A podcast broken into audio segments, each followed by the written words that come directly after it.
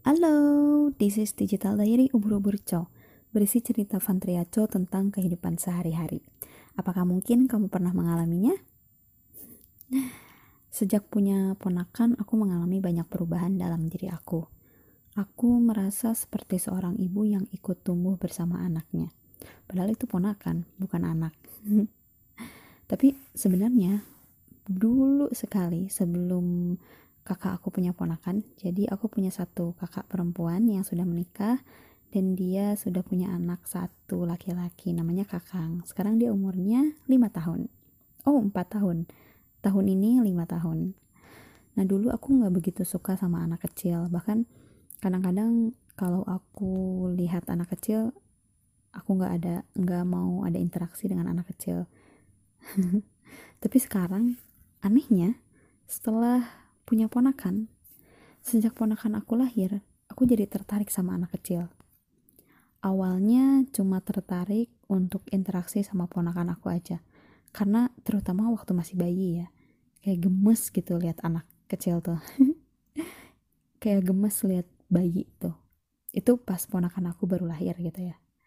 Lama-lama setelah dia tumbuh satu tahun, dua tahun, tiga tahun, empat tahun, dan aku semakin sering berinteraksi dengan dia, dan akhirnya kebiasaan interaksi aku dengan ponakanku ini terbawa ke anak yang lain. Ketika aku ketemu sama anak kecil yang lain, aku bisa berinteraksi dengan natural tanpa harus dibuat-buat uh, tahu kan ya interaksi sama anak kecil seperti apa gitu. Kayak suaranya diimut-imutin. Ah imut-imut. Suaranya diimut-imutin. Tapi itu terjadi dengan otomatis gitu. Refleks aja bicaranya seperti itu. Misalnya kayak semacam aduh lucu banget ya mau ke mana? Aduh pakai bandol lucu banget. Unu unu unu ya semacam itulah. Mirip. Tapi itu agak agak seringnya sih. Ya tadinya nggak suka jadi lama-lama jadi suka anak kecil jadi suka berinteraksi. Dan selain suka berinteraksi dengan anak kecil aku juga jadi tertarik untuk mempelajari parenting. Uh, belajar bagaimana caranya mendidik anak yang tadinya uh, aku pikir ya let it flow aja lah. Yang sekiranya untuk orang dewasa itu bagus ya kita kasih tahu itu bagus untuk anak kecil. Kalau misalnya itu salah kita tahu kita kasih tahu itu salah tapi ternyata nggak bisa seperti itu. Berinteraksi dengan anak kecil itu ada ilmunya. Cara mengajari anak kecil itu ada ilmunya. Cara kita merespon emosi anak kecil itu ada ilmunya. Dan aku tahu ini semua ketika aku belajar parenting. Uh, entah itu dari internet, dari komunitas-komunitas, dari organisasi, atau dari acara TV, atau dari uh, pengalaman orang-orang, aku belajar banyak sekali parenting untuk um, bagaimana caranya mengasuh anak, mendidik anak dengan baik gitu. Karena kan uh, masih banyak sekali miskonsepsi yang uh, beredar di masyarakat, wow beredar, bahwa uh, mengajar anak itu harus keras, harus bikin dia nurut gitu, dan ternyata itu uh, sebaiknya tidak dilakukan gitu, dan masih ada cara lain supaya anak itu bisa tetap uh, nurut walaupun kita nggak begitu gitu, dan uh, kita juga harus ada pertimbangan. Tidak selalu orang dewasa itu benar. Terkadang orang dewasa juga ada salahnya dan kita harus mengakui itu pada anak kecil gitu. Dari situ aku tertarik dengan parenting dan uh, awalnya juga aku tertarik itu karena ada satu temanku teman kuliah um, dia punya ponakan yang sangat-sangat kritis sangat-sangat cerdas uh, karena dia selalu bercerita tentang ponakannya ini uh, ponakannya selalu bertanya hal-hal yang aneh, hal-hal yang gak pernah terpikirkan oleh orang dewasa, hal-hal yang bahkan orang dewasa pun gak bisa jawab. Dia pernah bercerita, uh, ponakannya ini bertanya setelah dia baca buku ensiklopedia untuk anak. Dia bilang, uh, dia tanya, kalau di kutub utara itu kan di airnya ada ikan ya ikannya ikut beku nggak? Ikannya mati nggak kalau beku? Pertanyaan seperti itu. Atau ketika dia lihat um, mobil gitu bergesekan dengan aspal yang panas gitu, dia tanya kenapa mobil nggak pakai sendal kan kasihan panas gitu dari cerita-cerita itu aku bisa lihat uh, si anak itu sudah punya empati, sudah punya simpati bahkan terhadap benda gitu. Dia juga sudah bisa berpikir, emang kalau ikan ada di dalam air es nggak kedinginan ya, nggak beku ya gitu. Itu hal-hal yang nggak pernah kepikiran oleh orang dewasa kan. Orang dewasa cuma tahu ya kutub itu memang dingin gitu dan ada ikannya, ya udah gitu. Tapi dia bisa mikir, emang nggak dingin ya, emang nggak mati ya ikannya. Bahkan antunya pun sulit untuk menjawab dan dia butuh berhari-hari untuk menjawab itu karena takut memberikan informasi yang salah, takut memberikan jawaban yang salah gitu. Karena pertanyaan anak kecil ini dia mungkin akan akan ingat untuk waktu yang lama. Kadang-kadang mungkin teman-teman juga pernah mengingat satu dua momen atau satu dua percakapan di masa kecil dan itu bisa jadi teringat sampai sekarang kan dan itu juga uh, temanku itu waktu itu khawatir memberikan informasi yang salah karena takut hal itu akan terkenang sampai untuk waktu yang lama gitu. Jadi kita juga sebagai orang dewasa harus hati-hati dalam menjawab, hati-hati juga dalam memberikan informasi, tapi juga jangan sampai mengabaikan pertanyaan anak gitu. Jangan sampai ketika anak bertanya, ah udahlah jangan banyak tanya, diem aja gitu. Atau misalnya, udah jangan nanya-nanya terus pusing gitu. Itu tuh akan membuat emang kenapa kalau aku tanya gitu atau mungkin itu akan membuat si anak jadi uh, takut untuk bertanya lagi gitu aduh aku pengen tanya ini tapi uh, takut dimarahin dan akhirnya dia malah nggak mau nanya dia jadi nggak punya rasa ingin tahu dia jadi nggak kritis dia jadi tidak punya rasa penasaran gitu bah padahal rasa penasaran itu adalah um, imun imun apa ya bekal yang uh, bagus untuk uh, mempercerdas otak. Wow. Ya intinya menjadi penasaran itu sangat bagus sekali gitu sangat-sangat bagus. Kalau misalnya kita nggak punya penasaran artinya kita nggak mau tahu kan nggak mau belajar gitu. Jadi ya terima aja apa kata orang. Itu kan kurang baik gitu ya. Bagusnya kita selalu penasaran. Dan saking terobsesinya aku pengen uh, bisa bikin ponakanku ini secerdas uh, ponakan teman gue karena asik banget gitu. Kayak lucu melihat atau mendengar pertanyaan-pertanyaan yang uh, dari anak kecil yang sangat-sangat uh, bukan aneh ya di luar ekspektasi orang dewasa gitu.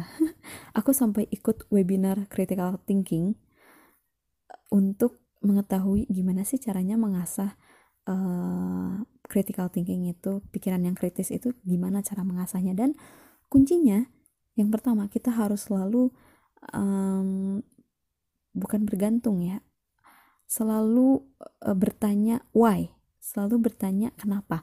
Setiap apa yang kita lakukan misalnya kita mau melakukan A kenapa kita mau melakukan ini karena ini? Kenapa kita mau melakukan ini karena ini? Jadi kalau misalnya kita tahu why-nya kita tahu kenapanya kita jadi punya dasar untuk melakukan itu. Dan ketika kita mau menyerah kita jadi uh, punya penopang gitu. Oh iya ya aku mau melakukan ini kan karena awalnya aku ingin ini gitu jadi kita jelas untuk melakukan sesuatu. Jangan sampai kita melakukan A ya suka aja gitu. Itu kan uh, alasan yang bias ya. Alasan yang nggak jelas gitu. Nggak jelas arahnya ke mana nggak jelas arah tujuannya ke mana nggak jelas hmm, purpose-nya ke mana. Jadinya yang ngambang aja. Ketika kita menyerah ketika kita merasa lelah ya udahlah udahin aja. Karena dulunya juga cuma suka aja. Sekarang udah nggak suka ya udah berhenti gitu jadinya setelah berjuang lama nggak suka lagi ya berhenti. Jadi nggak ada penopang.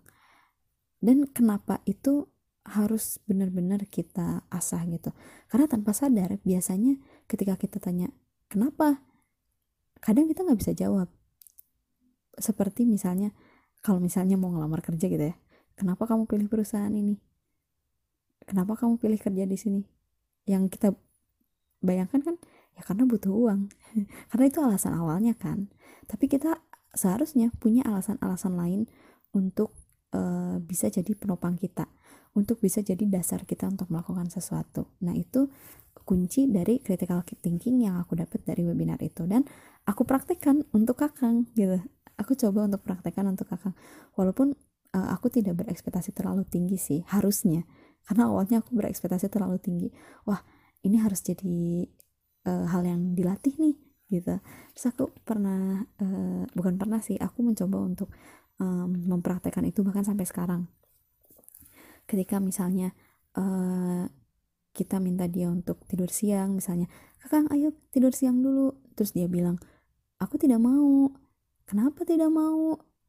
Bukannya dimarahin ayo kamu harus tidur siang anak kecil tuh harus tidur siang.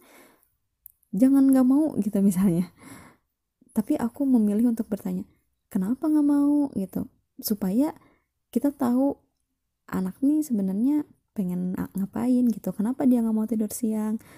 Mungkin dengan adanya alasan itu kita bisa jadi tahu gimana cara mengatasinya kan. Cuma karena waktu itu masih awal-awal jadinya dia nggak bisa ngasih jawaban. Mungkin dia juga nggak ngerti kali ya. Dia nggak ngerti cara ngejawabnya gimana. Pas ditanya nggak mau tidur? Nggak mau tidur siang? Kenapa? Terus dia diem terus akhirnya dia main-main. Oh mungkin dia masih mau main gitu. Akhirnya aku temenin dia main main main main dan akhirnya dia kelelahan sendiri dan akhirnya tidur siang sendiri gitu. Oh mungkin dengan cara itu bisa jadi tahu gitu. Kita jadi tahu gimana cara menghadapi si anak kecil ini gitu.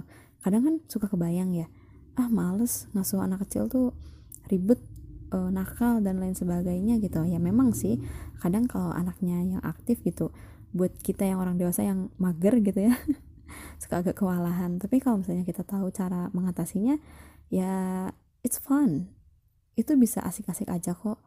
Dan kita bisa sambil istirahat juga. Nggak nggak selalu harus kita berada di sampingnya. Nggak harus selalu takut dia ngapa-ngapain gitu. Asalkan kita percaya dan kita bisa ngasih tahu uh, ini boleh dilakukan ini nggak boleh dilakukan karena ini ini ini gitu. Nanti dia juga akan um, ngerti sendiri gitu. Dan kalau misalnya aku masih percaya kalau misalnya kita menerapkan itu sejak dini itu akan terbiasa gitu. Dia juga akan bakalan ngerti suatu saat nanti ketika ketika aku biasakan kenapa untuk eh, hal-hal uh, yang dia lakukan. Kalau awalnya dia nggak ngerti dia lama-lama bakalan ngerti juga dan aku yakin itu bakalan kejadian. Cie dalam banget ya. Dan juga hmm, aku pernah baca bahwa bercerita untuk anak itu sangat-sangat bagus. Karena dia kan uh, apalagi anak kecil itu awalnya dia belum tahu kosakata dia belum pernah mendengar suara-suara selama di dalam perut kan? Oh, mungkin ya. Maksudnya jadi kita bisa melatih pendengaran dia bisa melatih fokus dia dia juga bisa melatih ke mana nih? Gue harus ngeliat gitu. Kita harus ngeliat ke mana nih? Su arah suaranya ada di mana nih itu ketika kita bercerita atau ngomong itu anak itu akan terlatih seperti itu. Dia akan mencari sumber suaranya di mana kemudian dia akan fokus untuk mendengarkan gitu. Itu bisa jadi uh, apa ya hal yang bagus untuk melatih fokus anak gitu. Dan ketika aku tahu itu oke okay, kita mulai aku mulai untuk bercerita buat dia gitu. Yang awalnya dari buku dari buku bacaan terus uh, karena waktu itu buku bacaannya masih sedikit dan udah diulang-ulang berapa kali gitu sampai akhirnya dia bosen aku nggak mau buku ini aku nggak mau cerita ini. Dan akhirnya jadi ngarang-ngarang sendiri. Aku pernah pas dia lagi nangis uh, orang kan biasanya udah udah jangan nangis. Ayo ayo kita jajan. Ayo kita pergi ke mana gitu. Um, itu yang aku baca ya. Yang aku baca katanya itu habitnya nggak begitu bagus gitu. Kalau boleh kalau bisa dialihkan ke hal yang lain yang bisa mengalihkan fokus dia supaya nggak nangis lagi. Dan aku coba untuk bercerita menggunakan metode cerita. Jadi aku ajak anak itu untuk ke jendela terus aku liatin keluar jendela itu wah lihat ada banyak pohon ya. Eh padahal itu cuma pohon aja kan wah lihat ada banyak pohon. Wah ada pohon warna hijau ada pohon warna coklat. Wah lihat ada kupu-kupunya ada kupu-kupu warna kuning. Wah ada temennya juga di bawah. Halo kupu-kupu. Halo ayo ayo bilang halo kupu-kupu. Aku ingat banget tuh waktu itu aku cerita kayak gitu. Terus dia akhirnya lama-lama nggak nangis nangisnya agak rendah terus pas aku bilang ayo halo halo kupu-kupu. Ayo bilang halo sama kupu-kupu. Halo. Terus dia jadi lambain tangan dan akhirnya dia fokus untuk ngelihat apa sih? Mana sih kupu-kupu itu? Mana sih yang warna kuning itu? Gitu. Terus kebetulan ada kucing lewat eh ada kucing lewat. Halo kucing. Gitu. Dan lain-lainnya yang ada di sana yang ada di luar jendela itu aku semuanya sebutin. Sampai ke genteng-genteng warna oranye kayu warna coklat terus ada sendal jepit sebelah itu aku sebutin semuanya dengan mengarang bebas yang ada di otak aku aja. Aku rangkai menjadi sebuah cerita yang hmm, sekiranya bisa diterima sama dia. Entah ya mungkin itu cerita yang membosankan atau gimana. Yang yang pasti itu ampuh untuk um, mengalihkan fokus dia gitu. Dan dari sana aku jadi oh bagus juga ya. Nah dari situ dia selalu minta bercerita Bi ayo cerita Bayu ayo cerita Bayu ayo cerita. Nah cara lainnya. Uh, aku selalu cari cara lain selain dari buku gitu dan banyak sekali cara untuk bercerita selain menggunakan buku. Dan aku sangat menghindari untuk menggunakan cerita menggunakan handphone. Sangat menghindari kecuali sangat-sangat urgent dan sangat-sangat dibutuhkan aku bercerita menggunakan handphone tapi bukan YouTube atau internet. Karena itu katanya juga yang aku baca itu habitnya juga agak nggak bagus ya. Tapi bukan berarti menjauhkan anak dari internet karena kita hidup di zaman 4.0 anak juga harus tahu kan kemajuan teknologi gitu. Dan ajaibnya aku melihat keajaiban bagaimana anak manusia itu bertumbuh kembang. Yang tadinya dia nggak bisa apa-apa cuma bisa nangis aja. Kemudian dia jadi bisa mama papa oh oh oh gitu. Kemudian dia jadi bisa uh, ngorondang tuh apa ya bahasa Indonesia-nya? Ya let's say ngorondang lah ya. Aku lupa bahasa Indonesia-nya. Kemudian bisa jadi berjalan tertatih-tatih. Kemudian bisa jadi berjalan lancar. Bisa mengambil sesuatu bisa menyusun sesuatu bisa menyebutkan sesuatu bisa mengenal angka huruf warna. Bisa berlari bisa naik sepeda bisa naik otopet bisa naik sepatu roda. Itu keajaiban-keajaiban yang aku lihat dan tiba-tiba aku merasa ya ampun ini anak cepat banget tumbuhnya. Padahal aku nggak ngelihat dia setiap hari. Padahal aku nggak sering eh, nggak uh, setiap hari berinteraksi dengan dia gitu. Tapi aku merasa ya ampun cepet banget nih anak tumbuhnya. Tiba-tiba dia tiba-tiba dia udah tahu huruf alfabet tiba-tiba dia udah bisa diajak ngobrol gitu. Aku sangat amazed sekali. Sangat-sangat wow ternyata manusia itu benar-benar ajaib. Ternyata kekuasaan Allah itu benar-benar nyata adanya gitu anak yang tadinya nggak bisa apa-apa dia bisa jadi ngobrol panjang lebar bisa jadi cerewet banget gitu. Itu sebuah keajaiban yang seharusnya sih bisa dilihat ketika menjadi ibu ya. Dan ternyata menjadi seorang tante bibi seorang yang bisa punya ponakan juga bisa tahu gitu keajaiban tumbuh kembang anak. Dan dari situ aku jadi takut kakang ini tumbuhnya cepet aku takut dia bertumbuh besar. Jadi aku bilang kakang tumbuhnya jangan cepet-cepet ya. Tapi ya we can't do anything. Kita cuma bisa ngikut alur waktu aja. Dan semoga nanti sudah besar kita masih dekat. Maksudnya kan ada aja orang yang misalnya ponakannya deket nih pas kecil. Tapi pas udah gede karena dia udah merasa besar dan terutama laki-laki ya uh, mungkin dia merasa malu atau gengsi gitu. Dan aku harap ketika dia sudah besar pun dia nggak begitu canggung dengan aku gitu. Nggak merasa canggung masih bisa uh, feel free untuk ngobrol feel free untuk sharing apa pun gitu untuk berinteraksi. Dan ya aku harap anakku juga nanti akan seperti itu. Aku berharap aku bisa jadi ibu yang baik ibu yang pintar ibu yang bisa mengerti anaknya. Dan aku harap aku juga punya anak yang cerdas kritis ya gitu deh pokoknya. Aku harus belajar dari sekarang. Harus sering belajar. Nah buat teman-teman juga yang kalau misalnya ada yang punya cerita yang sama atau ada yang punya pengalaman punya ponakan atau mungkin punya adik dan punya pengalaman melihat keajaiban-keajaiban tumbuh kembang seorang anak atau punya cerita betapa konyolnya ponakan kita yang kecil-kecil ini bisa sharing-sharing sama aku aku sangat curious banget sangat penasaran banget dengan pengalaman orang terutama tentang ini ya atau punya ilmu parenting boleh banget sharing-sharing di Instagram aku di @vantriaco nanti kita akan sharing-sharing di sana kalau ada yang mau sharing. Itulah curhat aku tentang rasanya punya ponakan dan nanti mungkin aku akan cerita-cerita lagi yang lainnya tentang keanehan tentang tingkah ponakanku dan tentang betapa amazingnya anak ini di podcast cerita yang lainnya. Sampai jumpa di podcast selanjutnya. Bye bye